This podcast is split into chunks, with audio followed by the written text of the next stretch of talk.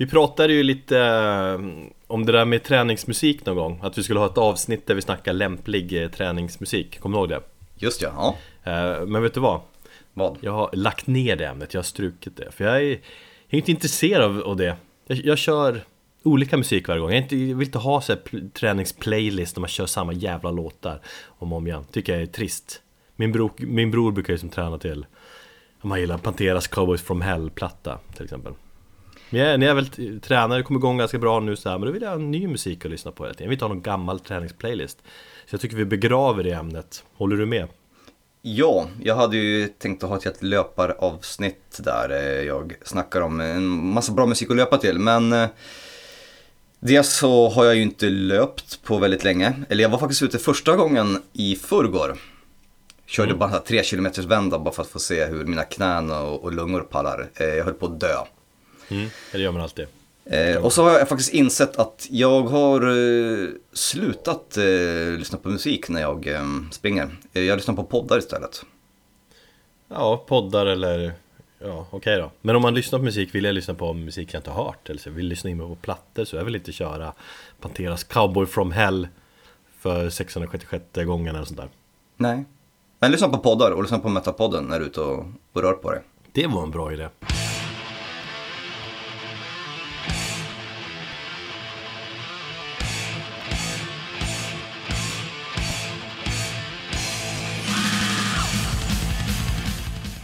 Hej och välkommen till avsnitt 114 av Metalpodden och det är jag som är Erik Jag sitter här i Jakobsberg i nordvästra Stockholm I karantän, typ Och över Skype så pratar jag med min gode kollega Thomas som sitter i en garderob någonstans i Västerås Hej! Um, ja, vi sitter här i lite självisolering mm. Det känns väl bra ändå? Ja, alltså det är väl okej. Okay. Tiden går vidare här i coronasamhället liksom. Det, det är långsamt men säkert så tänker jag att det här, det här ska väl också gå över någon gång. Men det är inte på ett eh, ganska långt tag vad det verkar. Har du förklarat för dina barn, eller hur är dina barns uppfattning om hela det här corona-helvetet som sker just nu? Mm, Elliot, uh, ja men det är ju knappt några barn på förskolan så att uh, då får de ju få reda på det att det är många som är sjuka och sånt där. Mm. Och så satt han och såg eh, på nyheterna med oss någon kväll och frågade för alla ligger det sjuka på sjukhuset och visade några bilder från Italien. Just ja. Tänkte så här är det. Du har ingen aning om det här egentligen men framtiden är mörk och jävlig och alla ska vi dö. Och så drömde han mardrömmar hela natten. Ja, det är lite, lite samma här också. Fast min son då, min äldsta son springer omkring och skriker Hästarna kommer få corona. Varför vet jag inte, men jag tycker det är skitkul. Så det har blivit en liten grej, så vi brukar springa omkring här när vi leker och bara skrika. Hästarna kommer få corona. Ja, det är en kul lek. Ja. Tips, eh, lekar i coronatider. Nej men jag tänker att vi, vi byter ihop och tänker på annat en stund och ja, då kör vi den här podden istället och tänker på musik, eller hur? Japp. För musik det är väl enda som enda som får mig att tänka på annat och koppla bort allt egentligen. Jag, jag har ju börjat det här med mina lunchpromenader. Nu har jag tänkt köra det här lång tid framöver men varje dag ska jag ut en timme minst. Mm. Uh, och så lyssnar jag på musik och så går jag där och så nickar jag åt pensionärer som också är ute och går. Och jag har ju pratat kanske tidigare om hur härligt det är med de här liksom, musikpromenaderna. Sen ska jag erkänna att jag har tappat det där. Eh, tiden har inte riktigt funnits men nu, nu tar jag med den tiden igen. Bara jag och min musik och frisk luft, så det är ganska härligt. Det är fördelen med Corona-samhället på något vis. Jag har ju kört de där promenaderna ända sedan flytten hit till Österås. Eh, så jag är ute ganska, ganska frekvent mm. och faktiskt promenerar. Jag har ju ett så här mål nu att röra på mig varje dag och göra minst 15 000 steg. Och det är inte så jäkla enkelt varje gång när man sitter hemma och vet, har sitt kontor hemma och allting är hemma. Men för att liksom få lite motion så, så kör 15 000 jag. 15 000 steg är ju jävligt långt. Det är det, men eh, jag, tio, alltså, mellan 10 och 15 000. Lämnar jag barnen till fots till förskolan, vilket jag kan göra nu när det har blivit lite bättre väder, så är det inga problem att nå det. Då går jag och hämtar och lämnar och, och sen så tar jag en lunchpromenad och en till promenad. Så då blir det. Vi får hashtagga när vi går ut så här och skapa någon hashtag där, lunchmetalpromenaden eller något sånt där. Hashtag musikpromenaden. Mm. Men överlag så tycker jag att du låter ju lite mer hoppfull och glad än de senaste gångerna vi har spelat in och de senaste gångerna vi har pratat. För du har ju snackat om att du, du har ju noll jävla musikpepp. Ja, eller ja, jo men det har bättre på sig lite grann tycker jag senaste veckan. Eh, och så sen nu, nu det, spelar vi in på dagen också. Ja, det är ju Vi kör ju lunchavsnitt här, så då, då är man ju genast mycket piggare. Mm. Så är det ju faktiskt, det har vi varit inne på några gånger förut När folk tycker att vi är sega så här, ja men det är för att vi har varit uppe i 20 timmar och gjort allting och nu ska vi fan försöka hitta peppen och spela in det här också Precis. En annan positiv grej med Corona Man måste ju tänka positivt där eh, Musiker kan ju inte, de kan ju inte åka land och rike runt och spela, de är instängda Vad kan de göra istället då? Jo, de kan skriva musik Ja. Så jag tänker att Det kommer komma väldigt mycket musik framöver Det där har Jag också, ja det där har jag tänkt på väldigt mycket. Alltså hela den här coronagrejen, det kommer ju finnas en tid före och efter corona. Och den tiden efter corona kommer ju vara väldigt annorlunda. Ja, ja, vi brukar fantisera om att få när man får gå på konsert igen Alla kommer att så här gruppkramas och typ och, och, och ja, gråta av lycka Men tänk, tänk till alla som sitter och skriver musik det kommer konceptalbum om det här. Det kommer komma power metal-album där de sjunger om drakar och virus. Det kommer komma, alltså black metal kommer från revival. Istället för att sjunga om eh, pestens tid så kommer det komma coronans tid.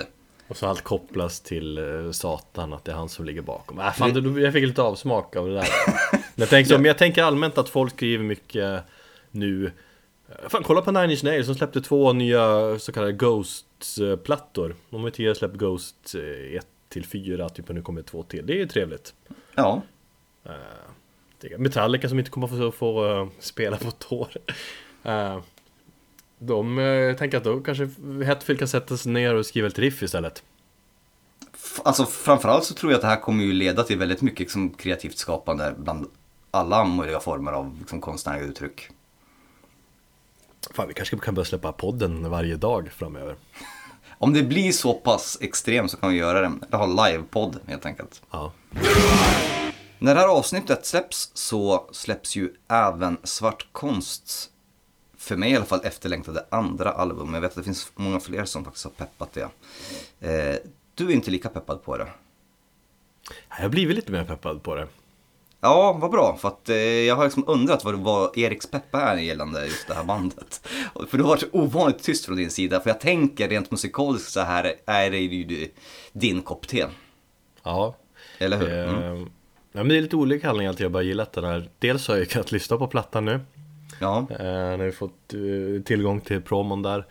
Eh, sen gillar jag att han, Mr Svart Konst. Eh, han kommer från Härnösand, det visste jag inte.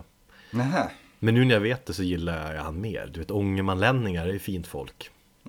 Ja, det är jag har ju för noll erfarenhet av ångermanlänningar, men norrlänningar som du i alla fall. Ångermanlänningar, jag är ång- ångermanlänning också, det var det jag menade. Att vi, ja, jag och herr Svartkonst är samma typ av människa, du vet. Fast han har snyggare mustasch än vad du har.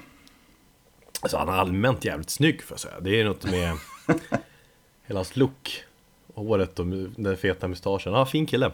Norra Sveriges snyggaste mustasch och fantastisk musik i svart, eller ja, vad, man, vad kallar det? Black and Death Metal-bandet, enmannabandet Svart Konst. Som jag peppade debuten när den kom 2018. Mm.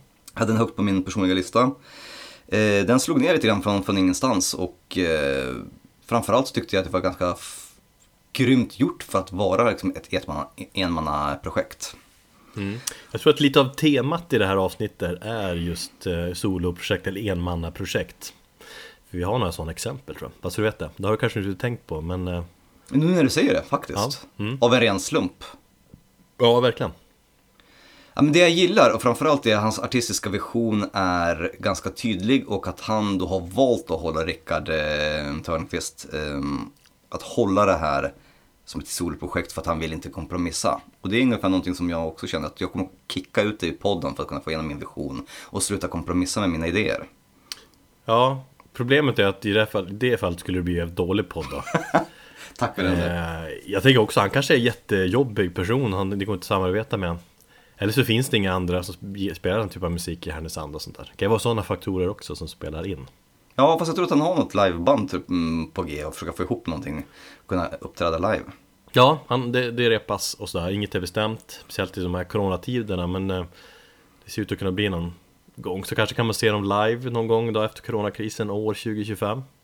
Ja, det finns i alla fall ett litet artistiskt kollektiv där med, med, eh, med Ulven, deras, eh, ett annat band som vara gäst, gästspel i vad jag har förstått. De har en studio ihop och sådär. Så att jo, nu finns det kanske någon möjlighet att det blir någonting framöver.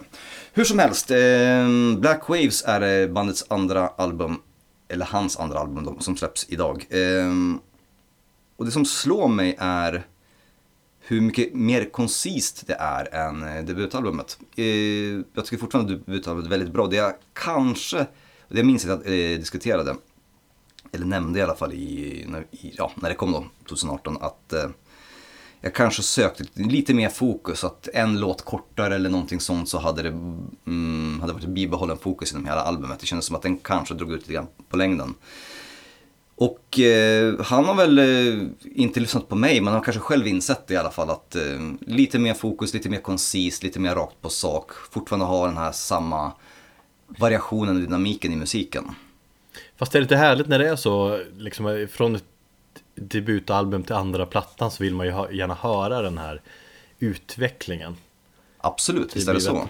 Jag tänker på, han, han pluggar ljuddesign och verkar vara en riktig ljudnörd. Han har massa coola pedaler och han är svag för HM2-soundet i olika former och sånt där. Sånt kan jag gå igång på. Ja. Sånt. Eh, Men om man tänker på ljudbilden på förra plattan och jämför med nya Black Waves så var ju förra, den var lite punkigare. Nu är det mer tyngd och det är liksom allmänt fetare sound på det här Framför- nya.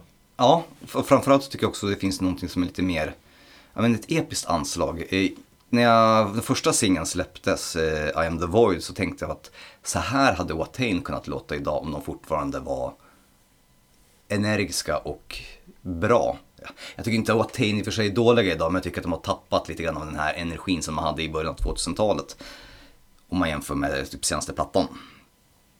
Så att det, det, det finns, någon, det finns någon, någon tanke där i som jag tyckte var just den här energin och att det finns någon form av ungdomlig energi där. Ja. Jag tänker en annan, helt annan sak. Eh, Jag läste intervjun i senaste Sweden Rock där han säger att det, han säger att det är okej att bära sin egen merch om man har snygg merch. Mm. Håller du med om det? Ja och nej. Eh, Iron Maiden kommer undan med att bära sin egen merch. Jag tänkte på vem är det som brukar på sina egna t-shirtar? Det är ju typ Steve Harris. Uh, ja, det är väl. Tänk på Jason Newsted hade alltid Metallica t-shirt eh, live också. Ja, alltså just Iron Maiden tycker jag, det där är helt okej. Svart konst, ja, det är och för sig jävligt snygg merch. Ehm, men kanske inte alla band. Fan jag själv merchar ju. Jag sitter ju typ i min eh, Oftast Doom, Swedish Doom t-shirt och bär vår snygga eh, pin Ja, i och för sig, det är Wild sant. Worship pin och sånt där Ja, för vi är stolta över de grejerna som vi har gjort. mm, Det är väl det tänket Han menar Sen ser jag bilden till artikeln här i Sweden Rock Då bär han en Bathory Get t-shirt Och en sån där uh, Doom-pin från Branca Studios Inte Ja. helt originellt kanske då det, Förlåt men det är lite så här standardmall Tuffhet Sätt på er en egen svartkonst t-shirt, Rickard. För fan Eh, vi lyssnar på titelspåret eh, och kanske i mitt tycke då det bästa spåret från, eh, från skivan. Avslutningen också på, på, på albumet Black Waves.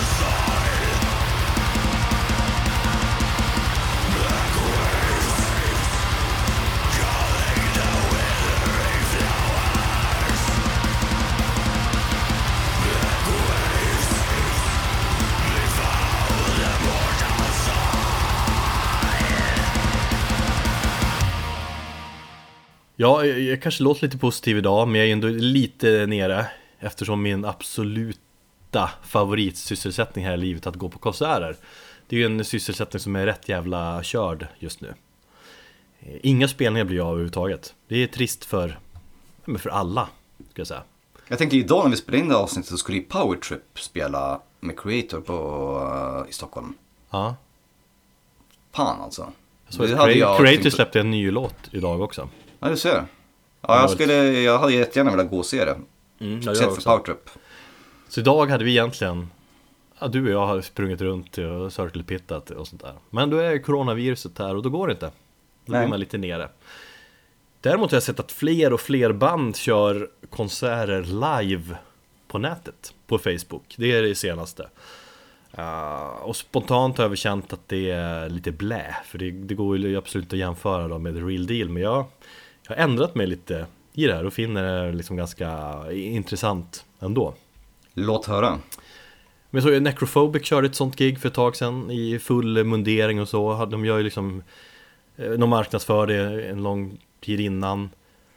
Uh, nu har det skitit sig då, i precis när de skulle köra igång så dog tekniken. ja, eller en dator som de skulle använda. Men istället för att ställa in gigget så här fem minuter innan så Ja men de ville inte göra sina fans besvikna så streamar de via en, en telefon istället. Okej, ja. Så det blev lite sämre. Dock är jag lite nyfiken på hur mycket teknik de hade, de hade flera kameror och, och, och sådär. Och så gillar jag att de hade liksom en unik t-shirt som de bara sålde genom det där eventet. Och så har jag tittat på ett gig med tyska Kadaver, Cadaver. Eh, rätt cool spelning, snyggt uppsatt och så. Det lät framförallt jävligt bra. Eh, men man, man gillar ju när, det, när man tänkt till lite extra. Nu när vi spelar in det här eh, fredagen här, vad är det, 27 mars så ska Mustasch göra ett gig från sitt garage typ. Just ja. Och det är fredag, har du sett det? Har du sett den reklamen eller? Eh, jag har inte sett det men jag vet om att de ska göra det. Ja. Ja. Och då bjuder de in liksom att, ja men drick bärs med mustasch, du vet. Och de tänker köra ett helt gig. Vet jag, kanske låter tittarna få bestämma lite grejer, de säljer merch, du vet så här, ja, klicka här, länken. De har en tävling där man kan, man kan vinna att bandet kommer hem och kör ett akustiskt gig och så vidare. Som sagt, jag gillar om att ta det här konceptet lite längre. Och det är ju egentligen ganska ny företeelse. Eller kanske inte egentligen, band streamar väl och håller på sådär. Men just att köra ett regelrätt gig med lite extra, extra sådär, det är ju ganska intressant idag. Jag tänker så här att eh, visst, det här kommer ju aldrig någonsin kunna ersätta liveupplevelse. Men att folk och band tvingas till form av kreativa lösningar.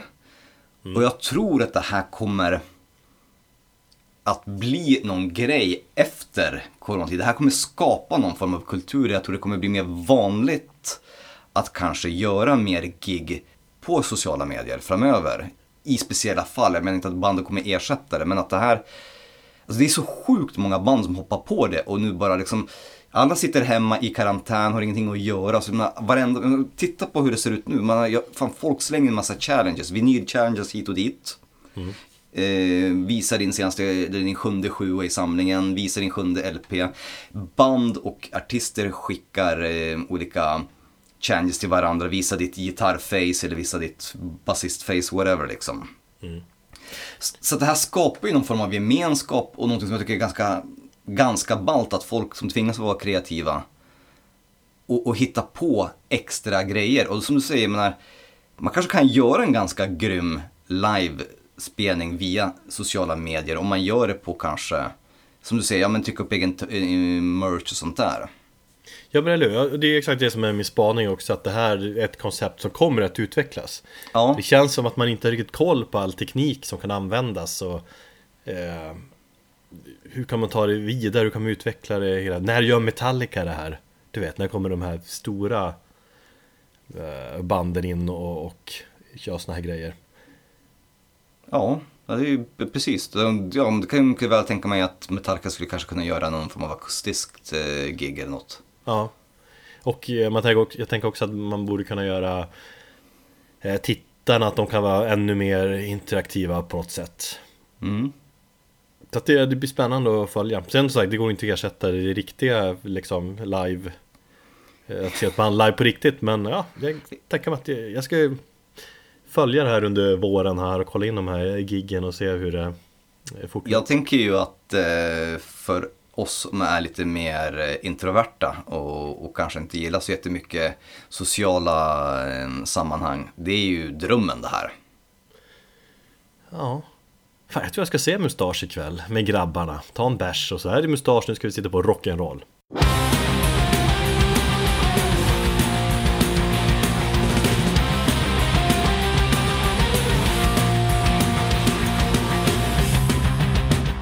Nu eh, blir det ett musiktips. Lite musiktips som kanske kan få er att tänka på annat i de här tiderna. Eh, och vi brukar köra det lite eh, med jämna mellanrum så återkommer väl de här avsnitten, eller hur? Uh, vi brukar kalla det bäst just nu och sånt där eller ja. topp tre just nu har du skrivit.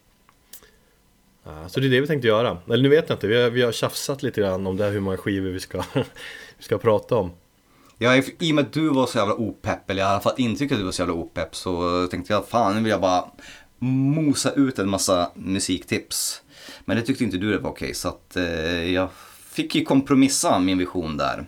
Fast jag hade jag... mina argument där också, men okej. Okay. Ja. ja. men det blir som vi brukar köra, våran eh, topp tre just nu. Musik som vi peppar av olika anledningar, ny som gammal. Mm. Du har väl kanske bara ny musik, jag har lite äldre musik också.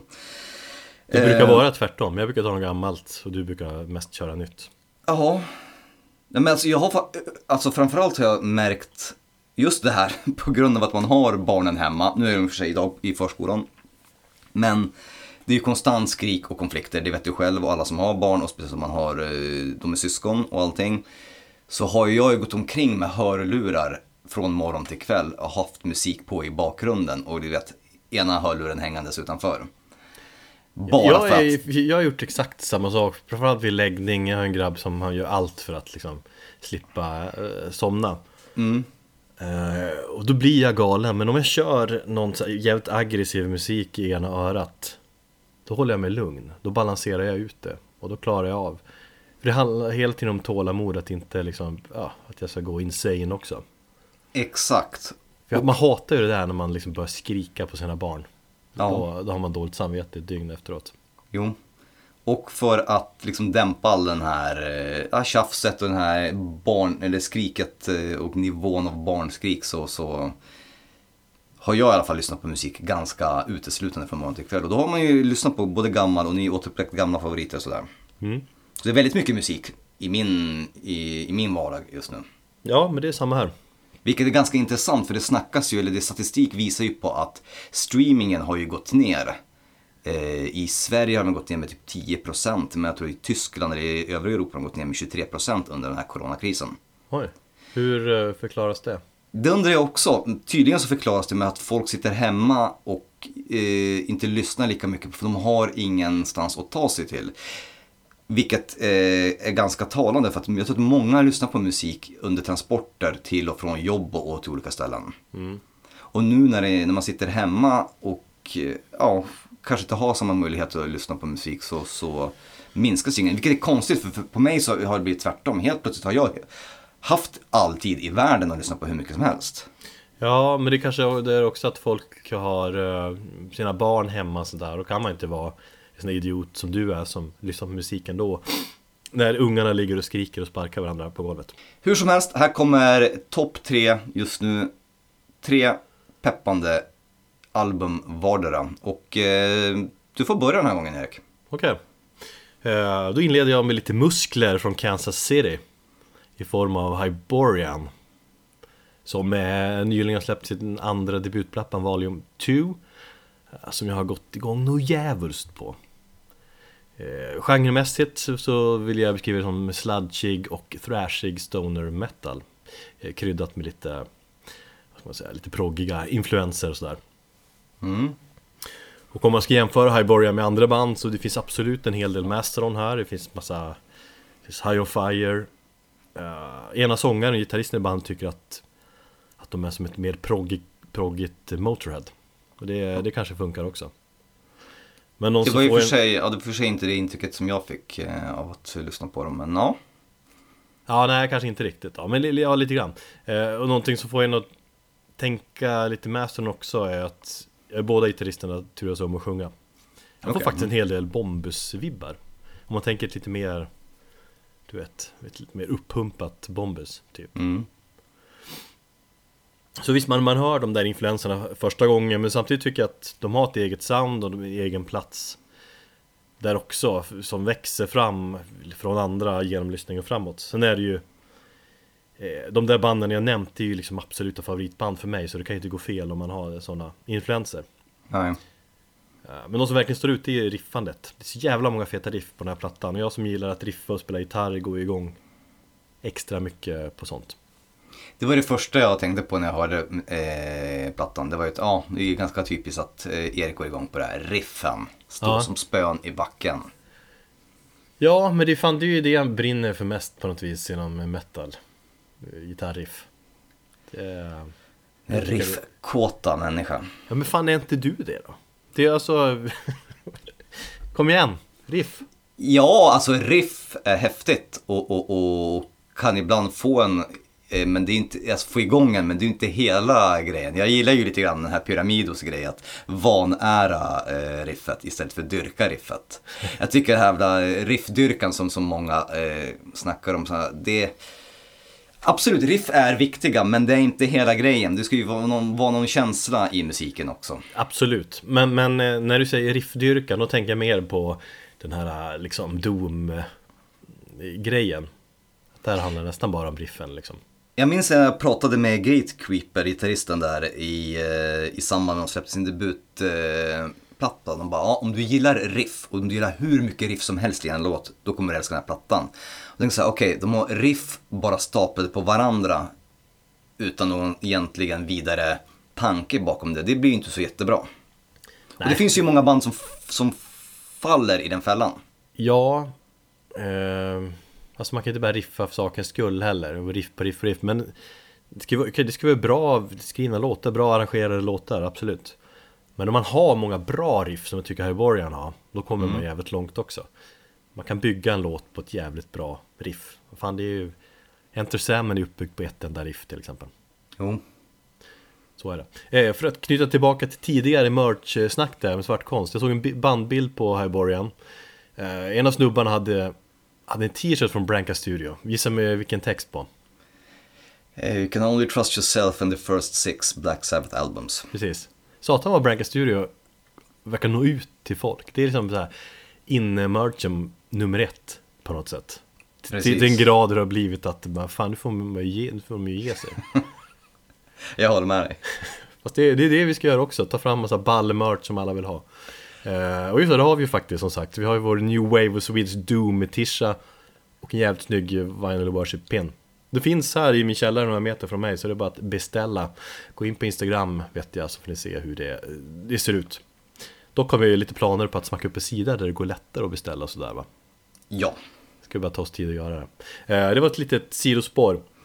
Jag tycker att vi, uh, vi spänner fast oss och så lyssnar vi på låten Planet Destructor från Hyborians platta Volume 2. Ganska, ganska thrashig och härlig låt.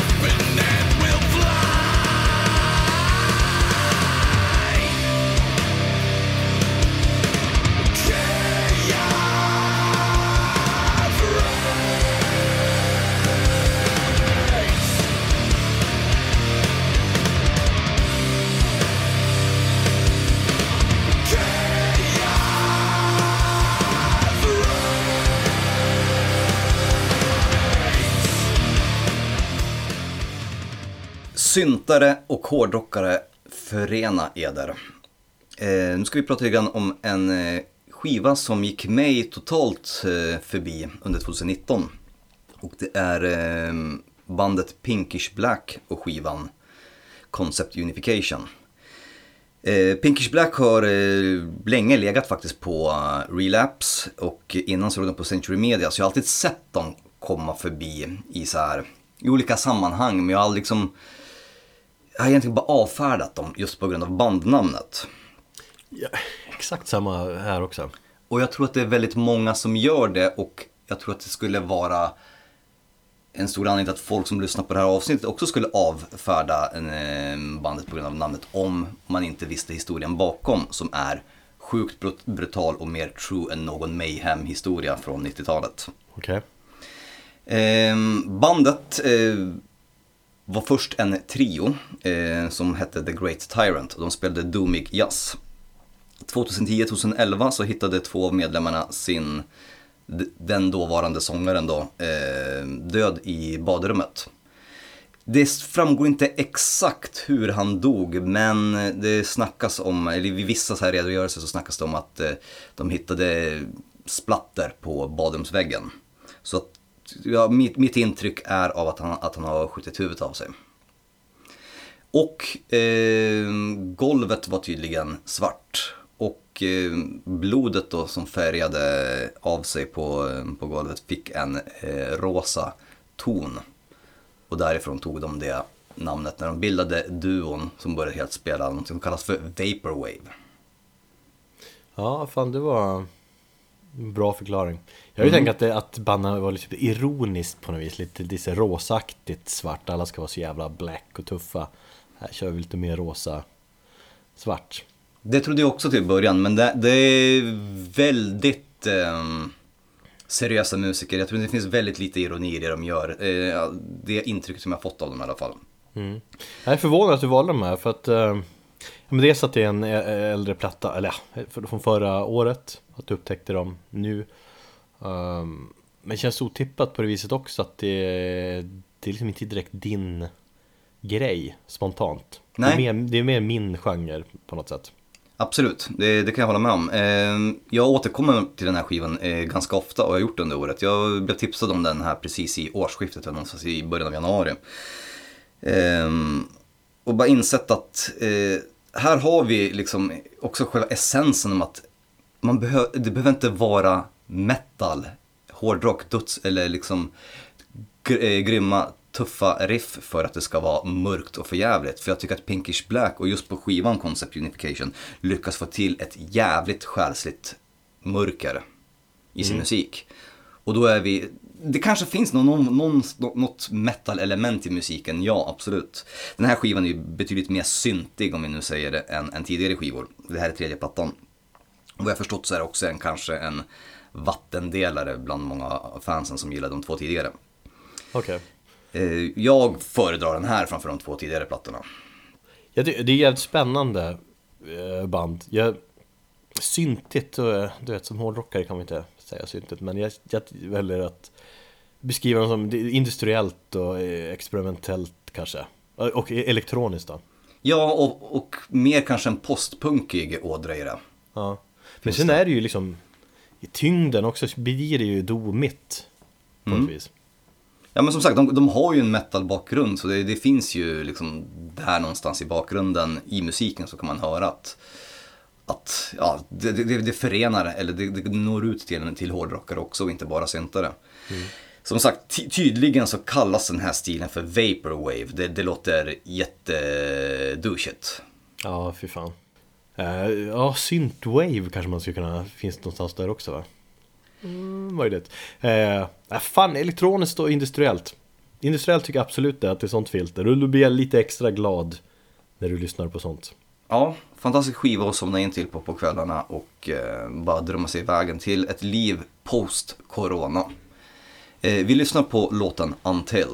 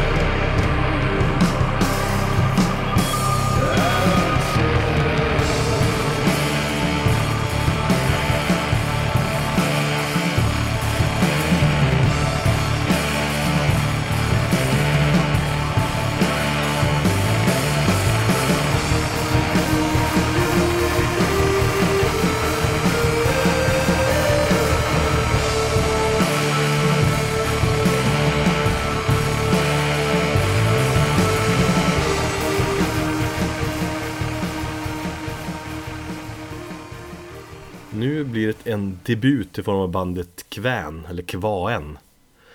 Eh, jag vet faktiskt inte vad man säger. Jag tror det är Kvän. Kvän. Eftersom eh, jag tror det syftar på kvänfolket som det eh, Som var något gammalt folkslag som kanske fanns eh, för massa hundra år sedan i nordligaste Norden. Typ handelsmän Mm. där uppe. Eh, Kvän som likt eh, svartkonst då ett enmannaprojekt. Är det? Mm. Det börjar bli, börjar bli inne med sådana. Fan, nu när jag tänker efter, så det kanske det kanske är det. Eh, När, när jag lyssnade på musiken igår, det var någonting som, som slog mig med trummorna där. De kändes, Ja. inte, rikt, de kändes inte riktigt levande. Ja, jag kommer till det. Mm, Okej. Eh, nej, men jag såg den här plattan skymta förbi här och där på sociala medier och folk bara Åh, vad bra! Fan vad den här skivan är bra och så vidare. Och till slut så fick man ju ja, ta tid att lyssna på. Det blir ju så om det kommer från flera håll. Det är så jag oftast liksom väljer att lyssna på musik. Om det är någon som säger lyssna på det här, är svinbra. Mm. Bara, ah. Och så kommer en annan och säger lyssna på det här, det här är jävligt bra. Och så bara, det är samma platta. Då kanske jag hoppar in och lyssnar på en platta. Eh, och, och det gjorde jag i det här fallet och jag blev jävligt betagen jag med. Eh, väldigt bra debutplatta. Och det jag går igång på är stilen framförallt, som inte är helt så här jättelätt att beskriva. Men, eller kanske det är, men det känns jävligt fräscht i alla fall. I grunden känns det som speed metal, fast kryddat med, med black metal och liksom melodisk döds. Mm. Och det känns inte sådär jättevanligt, eller jag, jag vet inte. Jag gillar det som fan i alla fall. Av det jag har hört av skivan så, eh, det första jag tänkte på var melodisk black i stil med Necrophobic. Ja, jag tyckte mer, jag tyckte speed metal eh, genren är, är tydligare. Alright. Mm. Men eh, ja, jag kanske är ut, fel ute. Men jag skulle säga så, speed metal, black metal och melodisk döds där. Eh, Men tyngden på, på speed metal då. Ja, men det, det är skiva som grepp tag i mig så på ett fascinerande sätt. Jag blev lite beroende av den. Och eh, jag vill ha mer när jag lyssnar på den, du vet. Man säger åh, jag måste ha mer av det här. Ja, nu vill jag ännu mer. Sen är det, det finns ännu ett yttre element eh, i musiken på den här plattan med att det är jävligt välskriven och snygga solen som står ut. Och som Mm. inte heller känns helt självklara i, i genren. Tycker jag. Jag har kollat in eh, hans eh, Instagramkonto och ser lite, lite övningar och visar hur han spelar vissa låtar. Så det, går ju, Ja. det är ju väldigt tekniskt, han är ju väldigt duktig på att eh, sola loss Yngwie Malm, eh, Malmsteen-style. Ja, jag gjorde samma sak igår kväll. Jakob mm. Björnfot som han heter. Man inte vet så mycket om egentligen. Förutom att han kommer från Norrbotten. Tror han bor i Kalix. Eh, vi har sex gemensamma vänner på Facebook. Han känns ganska ung. Ja, just det. Ja. Han gillar eh, Pantera. Han har Pantera-tröjor på flera bilder när man bildgooglar och sånt där. Jag tänker att han är stort fan av Dimebag. Du vet, den fina gitarristen vi haft i den här världen. Och det är det som hörs då i, i solerna. Där man Just hör lite Dimebag-vibbar faktiskt. Och som man ser då på hans videos också som han har på, på Facebook och sånt där. Mm. Eh, jävligt duktig sologitarrist. Och han verkar också vara lite av så här musikaliskt geni, han spelar alla instrument eh, och han sjunger på plattan. Förutom trummorna då. Eh, som är lite speciellt gjort. Jag tror han det var programmerade trummor först, sen har han använt sig av fyra olika trummisar. Okej.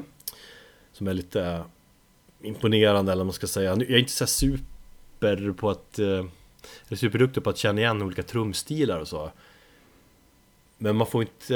Jag, inte, jag får inte direkt känslan av att det är just fyra trummisar. Kanske om man lyssnar mer noggrant och typ analyserar kanske hörs tydligare. Ja, men han slår mycket mer symboler och det här hörs Kagge mycket tydligare och sånt där.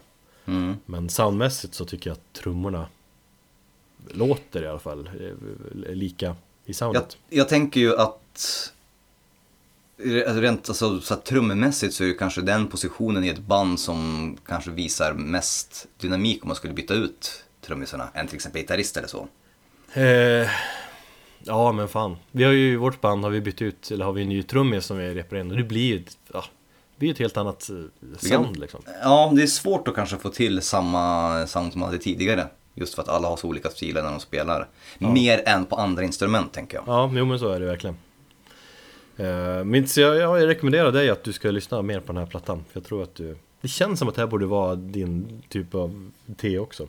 Jo, jag har ju också sett det här snackas om Kvän i olika sammanhang. Så när du tog upp det så blev jag väldigt förvånad för jag trodde inte det var din typ av musik. Jag vet att Sofia på Aftonbladet eh, skrev någonting om det, eller mm, snackade någonting om dem. Och liksom folk runt omkring så tänkte jag, ja men jag ska väl kolla in på det. Och sen så när du då, så jag hann ju dra igenom en eh, genomlyssning igår kväll för du är alltid så jävla sent ute. Mm. Med allting i din planering. Så att jag hann bara dra igenom en, en snabb genomlyssning av några låtar. Du får ju lyssna mer i efterhand helt enkelt. Ja. Så jag tycker vi ska lyssna på öppningsspåret i Revenge by Fire.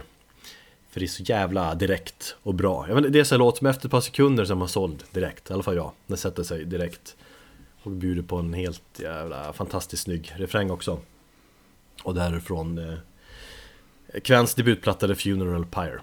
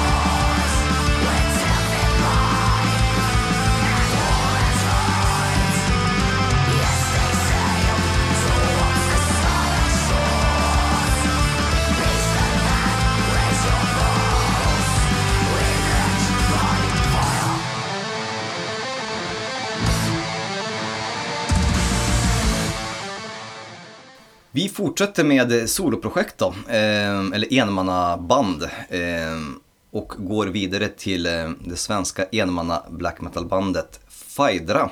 Kanske uttalas Fedre. Eh, det är en dramapjäs från 1600-talet och även någon form av...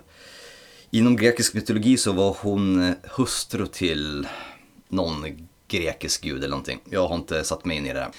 Eh, Faidra, eller Fedre, är tydligen en prominent black metal-artist eller någon ganska eh, så erfaren black, svensk black metal-musiker som har gått och gjort solo och väljer sig, och väljer sig hålla helt anonym. Ja, jag läste det där, men hur vet man det då? Att, att han är liksom så etablerad eh, och, och snubbe. Så man får känslan av att det är en av de här största Alltså, liksom. ja, om man ska ta det lite grann med en nypa salt kanske. Att han har varit eh, så jätteprominent eller att han har spelat i, i flera band, eh, black metal-band genom åren. Det behöver inte betyda någonting. Ja, det kan ju vara vem som helst egentligen. Jag försöker så här. Jo men kommer ryktet eller kommer det från bandet eh, själva eller liksom ryktet? Jag tror det, jag, jag tror det kommer från, från honom själv. Jag får intrycket, nu, som sagt, jag, spån, jag har försökt kolla upp vem det, är, vem det är bakom det här. Man skulle säk- säkert kunna gräva ganska mycket djupare och kolla vem som står på, på ja, om man kollar skivbolaget eller sådär. Nu verkar skivbolaget, som är ett tyst skivbolag som heter Northern Silence har jag för mig. Eh, de verkar ha pausat sin verksamhet just nu på grund av att ägaren mm, ja, har bränt ut sig eh, psykiskt. Bandet fortsätter dock att hålla på och eh, Alltså jag får känslan att om man tittar på de andra banden i, i skivbolaget så är de, det känns som att det är typ så här B eller C-gradens black metal-band. Det är inte de här största banden, det är några som kanske verkar på min, i mindre skala. Vissa namn känner jag igen, det var väldigt mycket anonymt, eh, som jag aldrig hört talas förut. Men så är just Faidera eh, ett av de här banden som står ut väldigt mycket med just med den här debutplattan Six Voices Inside. Mm. Jag har kollat in hans Facebook och eh, det är ju väldigt så här, Jag får intrycket av att det är inte en äldre man. För att det är, det är mycket så att hårdrocks-emojis bakom varje post på Facebook och mycket så här, jag tackar så jättemycket för eran, eh, för att ni har lyssnat och för alla streams och sånt där. Så det, är inget, det, det, känns inte som att det finns något försök att vara speciellt true där. Att man håller sig anonym bara för att fokusera på musiken. Mm. Och då fick du säga att han är äldre eller yngre? Att han är äldre. Ja. För jag känner att som, riktiga true band inom sociala medier, de håller sig ganska korta och koncisa. Och så mm. använder de inte emojis, vilket han gör. Djävuls-emojis och den här djävulstecknet-emojin. Ja, det, är inte helt, det låter inte helt true. Nej, det är inte helt true. Eh, om vi nu ska gå den vägen. Eh, I alla fall, det är eh, som han själv för, eh, beskriver då, en totaldyrkan för 90-talets eh, ortodoxa black metal. Det är väldigt mycket första Dark Throne, det är mycket, ja inte första, andra Dark Throne blir det då. Mycket Bursum och hela den här 90-talsvågen med ganska simpel lo-fi eh, black metal. Men med lite element av typ syntar. Ja. Det var det, ja, jag får mycket vibbar av norsk old school eh, black metal. Och, och diskant ljudbild så jag sa att ja, jag har ju lyssnat igenom halva skivan då. Mm. Eh, så då dömer jag skivan. Nej men eh, ja, det var någon synt där i bakgrunden som lät spännande faktiskt. Det var det jag hann tänka på. Ja. Och satte eh... kanske lite mer atmosfäriskt. Ja, men jag tror att han... En standard eh, norska black metal. Ja, eh, han beskriver, eller musiken beskrivs som atmosfärisk black metal både av honom själv och på Metal Archive. Så att, men det finns nog också någon, någon form av, eh, ja att man tittar på just, eller han tittar just väldigt mycket på 90-talets norska scen. Eh, mm. Jag får lite känslan av, i atmosfären av Wars in the Throne Room och, ja men Bursum.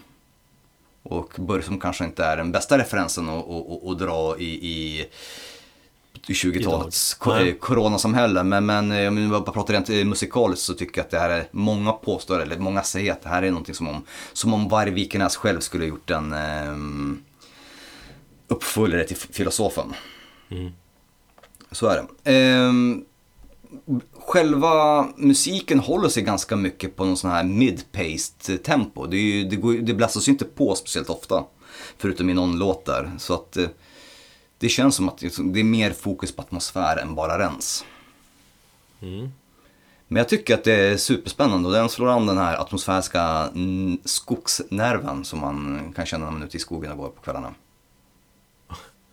Ja. Men vad är det som gör det bra förutom att det påminner mycket om gamla grejer? För liksom, vad är det, det här Vad är det som gör att det känns eh, fräscht och nytt? Är det med, med synten eller att det här blandningen mellan old school black och lite mer så här nyare? Eller med atmosfäriska grejer? Eller jag...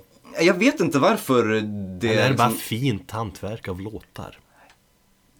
Jag skulle säga en blandning av det, men framförallt det sista. Det, det är bra skrivna låtar.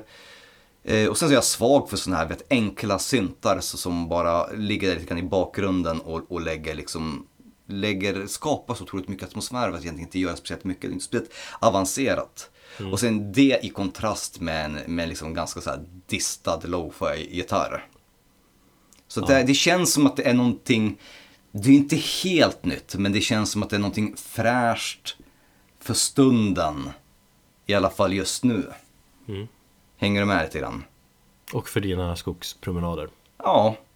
Jag kände att det här var någonting som att, ja fan, det här var ganska nice att lyssna på. Mm.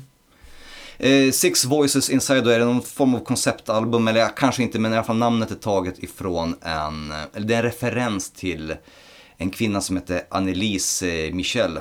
Eh, jag tror att hon var fransk, eller hon kanske var till och med tysk. Som i, tror jag på 60-talet påstod sig vara besatt av sex demoner. Eh, och sen så begärde hon att, eh, om det var hennes man och en präst som skulle göra en exorcism på henne och hon dog av den. Och eh, de sedan dömdes för dråp trots att det var på hennes vädjan de gjorde det. Mm. Och det är ju eh, sex spår som på ett och annat sätt behandlar någon form av ja, tema om demoner och, och allt möjligt. In, ja, som är ganska true inom, inom black metal. På så lite blandning sätt. mellan sex och 666 kan man säga. Ja, kanske. Mm. Vi lyssnar på låten Tomb of Giants från Six Voices Inside.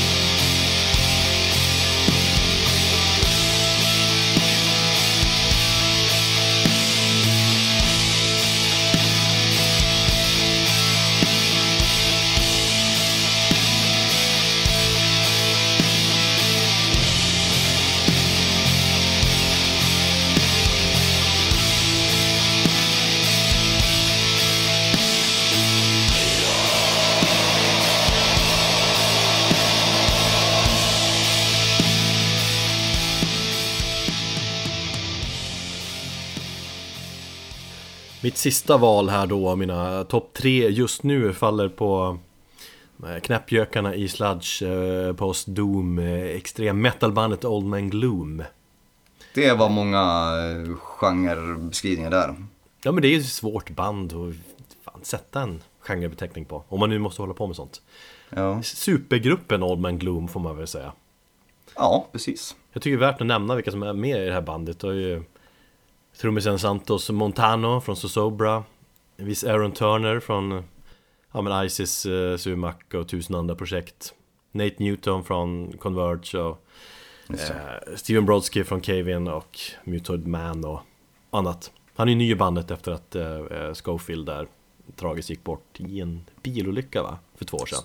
Så var det, tre år sedan var det till och med. Ja okej. okay. Eh, de, de har tidigare utannonserat att de har ett album som heter Seminar 8 eh, Light of Meaning ska släppas 22 maj. Just. Och eh, första singeln till den är släppt, den finns att lyssna på. Men så då, för ett par dagar sedan, eller 23 mars så släppte de utan förvarning ett annat album som heter Seminar 9 Darkness of Being. Som ju man då måste tolka som uppföljaren till den här Seminar 8 som ska släppas 22 maj det är lite helt knäppt. Sådär. Precis, de släppte uppföljaren till det kommande albumet innan det albumet var släppt. Ja. De gillar att trolla. Ja, exakt. Det är inte särskilt otippat när det gäller Old Man Gloom för ja, men förra albumen de släppte så förvirrar de ju det ännu mer egentligen. Mm. Då släppte de ju ett fejkat album eh, som också hette Ape of God om jag minns rätt. Bara för att du vet, jävlas lite med kritiker och sådär. Du satt där och bara, "Ja, vad fan är det här? Men det, var- då var inte det riktiga albumet, det släppte, istället så släppte de eh, två album med samma titel, The Ape of God. Just ja. Så att de, att de gör saker för att förvirra och eller att de gör saker annorlunda kan man säga. Det är inget nytt för Old Man Gloom. Och det är kul att läsa hur de har diskuterat hur de då ville släppa de här två nya albumet. För det, det är ju två album som de har skrivit och, och så har de gjort i alla fall två gånger tidigare också att de skrivit två album samtidigt på något vis. Mm. Och de hade någon idé om att Att man får beställa det här andra albumet Som ska släppas 22 maj Men så skulle de skicka det här albumet istället Alltså för fan vad- kul. Det- jag, det- jag önskar att de gjorde så. För att jag tror inte någon hade blivit upprörd. För att om du släpper kanske en digital promo eller någonting på ett album, så beställer alla det så får du ett helt annat album. Ja, den är ju faktiskt rolig. Sen påstår de också att de hade en fundering om att ja, Trummisen Santos och Aaron skulle De skulle, skulle spela in ett album själva Och släppa det utan att de andra medlemmarna skulle veta om det. Eh, Det måste ju vara ett skämt. Ah, ja, fast jag, jag tror inte det. De, de gillar ju att trolla varandra också. Jo. Ja, Man älskar det här ändå. De gör liksom på, på sitt egna sätt. Jag kan Jag kan tänka mig att många bara "Vad Fan vad dryga de är vad, vad, vad ger det här då? Men jag, jag går ju igång på det Väldigt mycket Jag kan Ja, alltså jag, jag går ju också igång på, jag minns när de släppte den här Ape of God och jag fick den här felaktiga promon. Det var ju eh, journalister som på riktigt var ju jätteupprörda. Ja. Vilket jag inte förstår varför, jag tyckte det var skitkul liksom. Ja visst, ja men vad fan, vi, jag recenserar ett album som egentligen inte existerar men vi publicerade den ändå. ja. Eh, så fanns det väl något sätt eh, att de skulle släppa den ena skivan bara för deras hemsida eller för, från skivbolagets hemsida.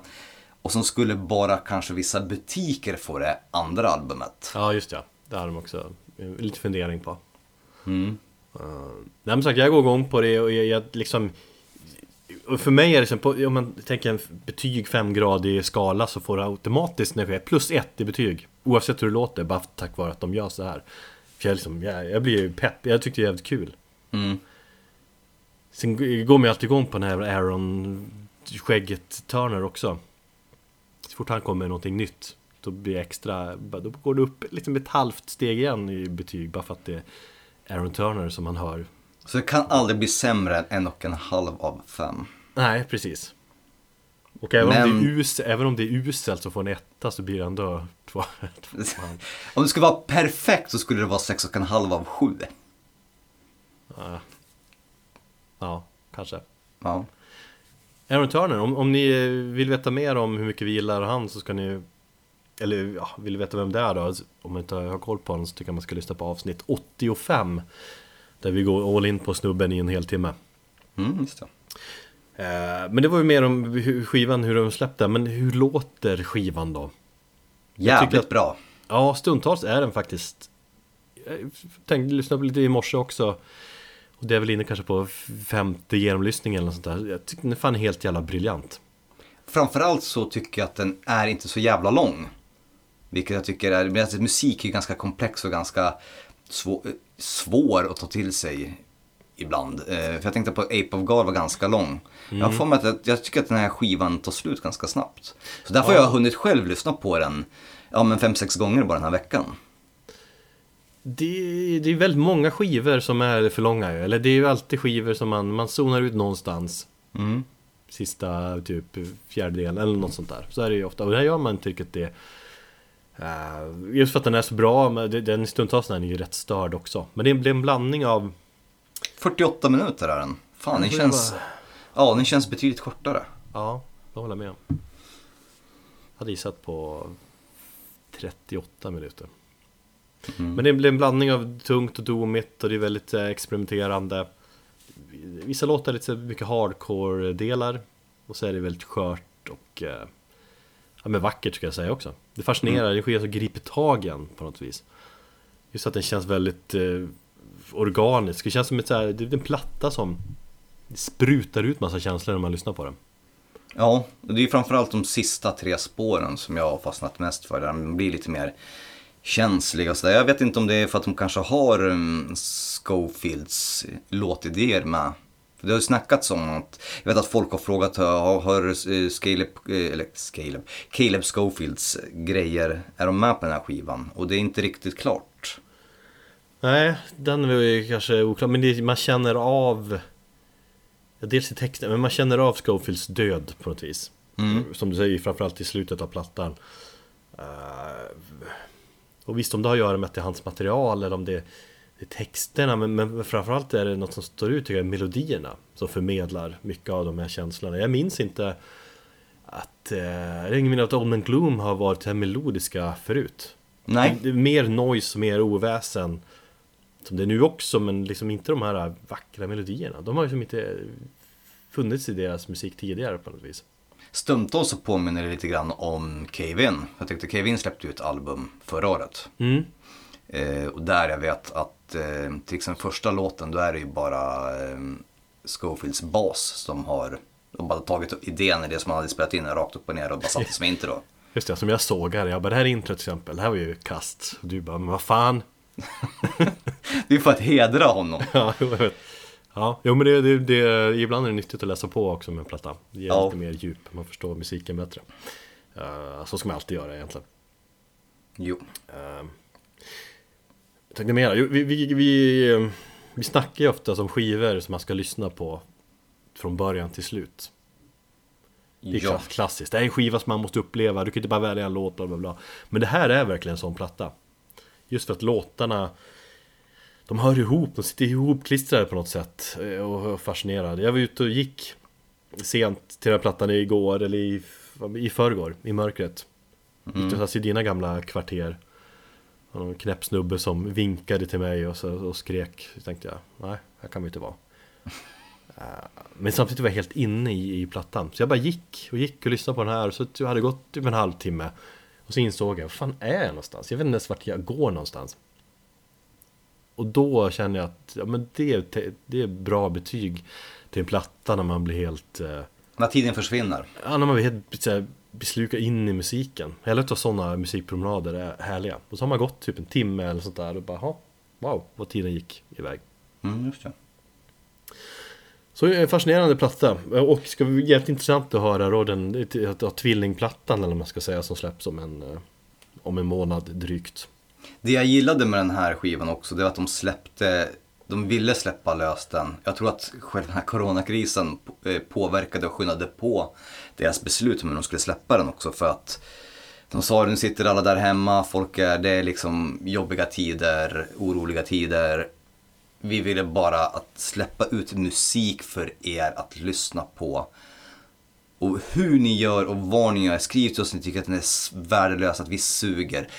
Sno skivan därifrån, betala inte för den, betala om ni vill, betala hur mycket ni vill. Liksom så här, bara ni tar er till musiken. Mm. Tycker jag var ja, ganska det, talande också. Ja. Fast det där uttrycket av sno musiken, här har ni den. Nine Slaves gjorde en sån grej också. Bara ladda, här får du skivan gratis det är ju inte lika... Det säger ju ingenting idag jämfört med typ System of a Down som hade en skiva som hette Steal This Album. Mm. Då, var det, då var det mer eh, politiskt laddat på något vis. Sno vår musik, det är lugnt. Ja okej okay, visst, i, i 20-talets strömmande samhälle så, så är det ju liksom ingen grej att säga så. Nej men jag bara tänkte att det som kontentan av var att lyssna på musiken och sen så bara ta till er den. Och hur ni än reagerar så spelar det ingen roll så fort ni reagerar på någonting för då har vi åtminstone uppfyllt vårt syfte. Mm. Sen var det ju bättre att släppa den här nu än vad det ursprungligen skulle släppas typ en vecka efter den andra plattan va? Eller något sånt där. Jag vet ja, det vet jag inte. Eh, då är det ju mer intressant att släppa det nu. Jag fick intrycket av att de har gjort allt promoarbete och officiellt gått ut med den här plattan som kommer i, eh, i, i, maj och ingen har vetat om den här. Så bara överraskning släppte de den här. Mm. Men det kanske skulle kommit efteråt, jag vet inte. Däremot eh, om man har koll på sin Old Man Gloom så vet man ju också, eller misstänker man att det inte kommer bli helt normalt skivsläpp. Nej. Så de är roliga och de är jävligt bra. Och jag tycker vi, vi lyssnar lite grann på avslutningsspåret Love is Bravery. Den är fin. Med Old Man Gloom från plattan Seminar 9 Darkness of Being.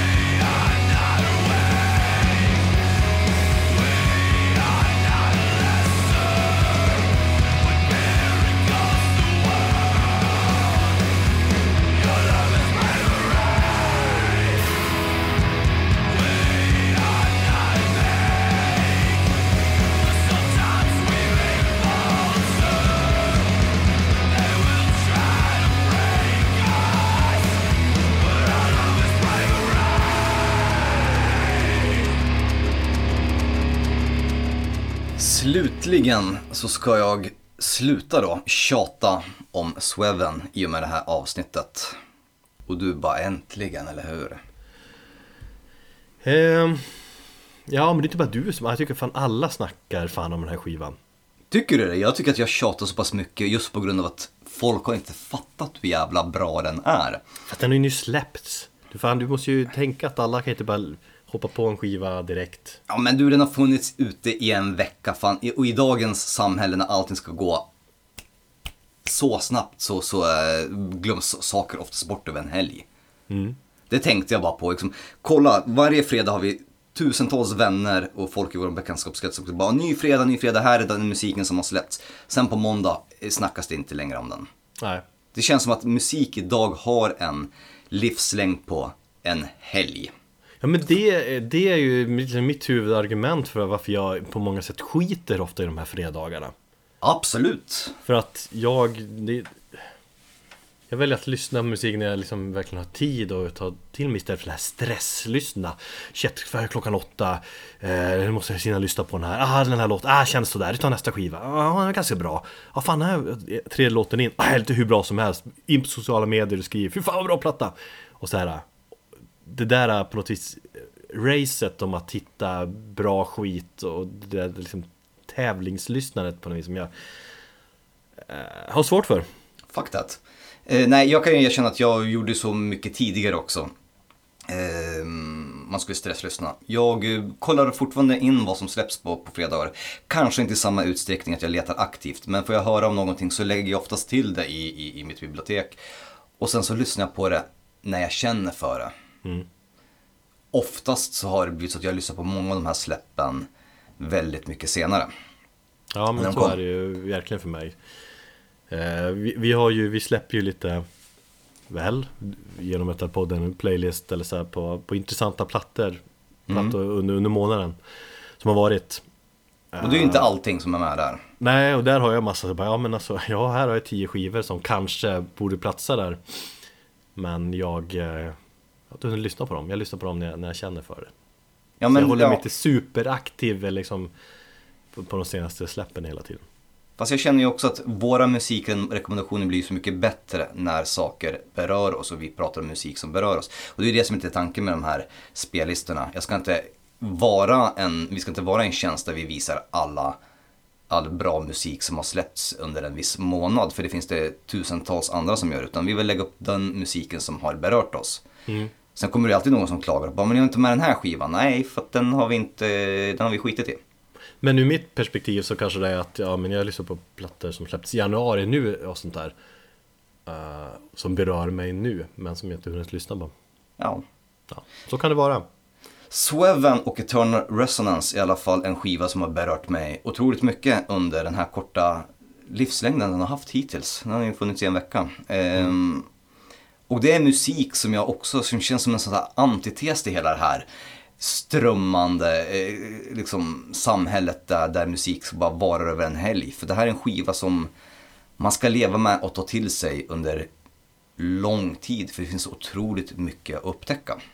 Ja, jag skulle inte säga att alla snackar om den här skivan, men du, har- du har väl en stor del av den som du har pratat och lagt upp och, om den här skivan. Men lite andra polare från norr och sånt där också, in i den här plattan. Jag har lyssnat igenom skivan en och en halv gång, jag känner att eh, men jag, eh, ja, jag måste verkligen ta mig tid och verkligen komma in i det. Ja, om du gör det i höst eller om du gör det om två år, det spelar ingen roll. Men bara du gör det någon gång. Jag tänker en lunchpromenad här framöver. Mm, bra. Ehm, nej men som sagt, Sweven är ett nytt band eh, med Robert Andersson då från Morbus Kron. Och som är egentligen bildat ur askan av Morbus Kron. Ett fantastiskt band som var verksamma eh, tidigt 10-tal med eh, Släppte två stycken följningsalbum, Sleepers in the Rift 2011 och sen kom eh, Sweven då, eh, 2014. Och sen efter det så splittrades bandet på grund av att eh, medlemmarna drog åt olika håll. Eh, Robert Andersson och sen även Edvin Andersson som är Nick Anderssons eh, lillebrorsa är ju även aktiva i liveupplagan av nuvarande Entombed.